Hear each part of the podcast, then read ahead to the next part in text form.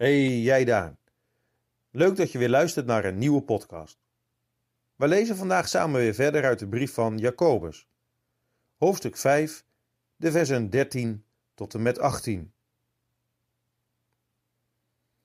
Is iemand onder u in lijden? Laat hij bidden. Heeft iemand goede moed? Laat hij lof zingen.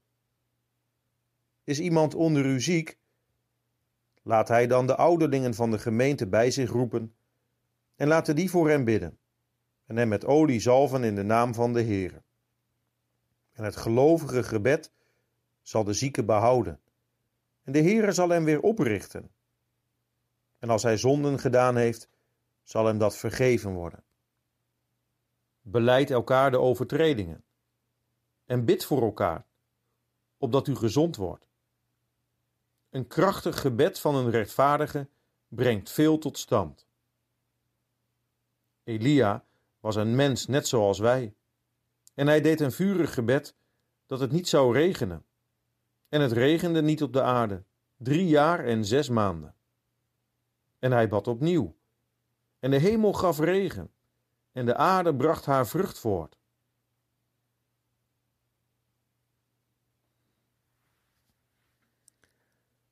Bijna aan het einde van zijn brief schrijft Jacobus over het gebed.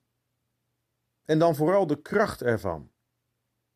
Jacobus moedigt zijn lezers aan om in moeilijke omstandigheden zoals ziekte te bidden. En in tijden van voorspoed de Heere te danken. En dat niet alleen voor onszelf, maar ook voor anderen, voor onze medebroeders en zusters, maar ook voor andere mensen die niet geloven. Misschien vraag jij je wel eens af: helpt bidden eigenlijk wel? Jacobus is deze vraag als het ware voor. En hij schuift ons een voorbeeld naar voren, waar het blijkt dat bidden wel degelijk helpt. Elia, de grote profeet. Elia die namens de Heere onder de goddeloze regering van koning Agab geprofeteerd heeft.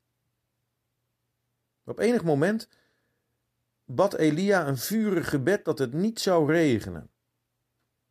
En op het gebed van Elia heeft de Heere de hemel gesloten. En gaf hij drieënhalf jaar lang geen regendruppel. Tot het moment dat Elia opnieuw een gebed bad, vurig. En hij aan de Heere vroeg of, of de Heer het weer wilde laten regenen. En op het gelovig en aanhoudend gebed van Elia gaf de Heere weer regen. Wat was dat een indrukwekkend moment. Je kunt deze geschiedenis nalezen in 1 Koningen 17 en 1 Koningen 18. Een krachtig gebed van een rechtvaardige brengt veel tot stand, schrijft Jacobus. Op het gelovig gebed wil de Heere echt wonderen doen. Wil hij ook vandaag de dag nog ziekte genezen, zonde vergeven. Denk maar aan Elia. Dat God naar onze gebeden luistert en gebeden verhoort, zit hem niet in de kracht van het gebed zelf, of in de bidden zelf hoewel de Heere wil dat wij vurig bidden, en, en vraagt hij ook van ons geloof wanneer wij bidden tot Hem, maar toch, daar zit het hem ten diepste niet in. Jacobus schreef eerder: Wanneer je niet in geloof bidt, lijk je op een golf van de zee die door de wind voortgestuwd en op en neer geworpen wordt. Zo iemand moet niet denken dat hij iets ontvangen zal van de Heere. Maar de reden dat de Heer onze gebeden verhoort, is alleen maar vanwege zijn genade. Er wordt niet voor niets van de grote profeet Elia door Jacobus gezegd dat Elia een mens was, zoals jij en ik. Iemand die, net als wij, ups en downs in ons geloofsleven kennen. Maar de Heere verhoorde hem. Uit genade. Onze God is een God die hoort. En hij heeft aan zijn kinderen een krachtig middel gegeven om te gebruiken. Bidden helpt, omdat God helpt, om Christus wil. Bid daarom. Voor jezelf, voor je medegelovigen, voor de wereld. Ja, voor alle mensen. Als er geen biddende kerk meer was, dan zou de aarde er niet meer zijn. Ik las ergens dat de gebeden van de rechtvaardigen zijn als kurken waar de wereld op drijft. Ja, het gebed van een rechtvaardige brengt veel tot stand. Dit te weten mag ook jou aanmoedigen om te bidden en vurig te blijven bidden.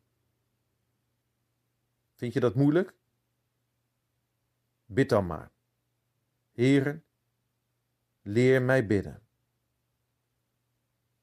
Zullen we nu ook samen bidden? Het gebed dat de Heere Jezus ons geleerd heeft. Onze Vader die in de hemelen zijt, uw naam worden geheiligd. Uw koninkrijk komen. Uw wil geschieden gelijk in de hemel als ook op de aarde. Geef ons elke dag ons dagelijks brood. En vergeef ons onze schulden, gelijk ook wij vergeven onze schuldenaren. En leid ons niet in verzoeking, maar verlos ons van de bozen. Want van u is het koninkrijk, en de kracht en de heerlijkheid, tot in eeuwigheid. Amen.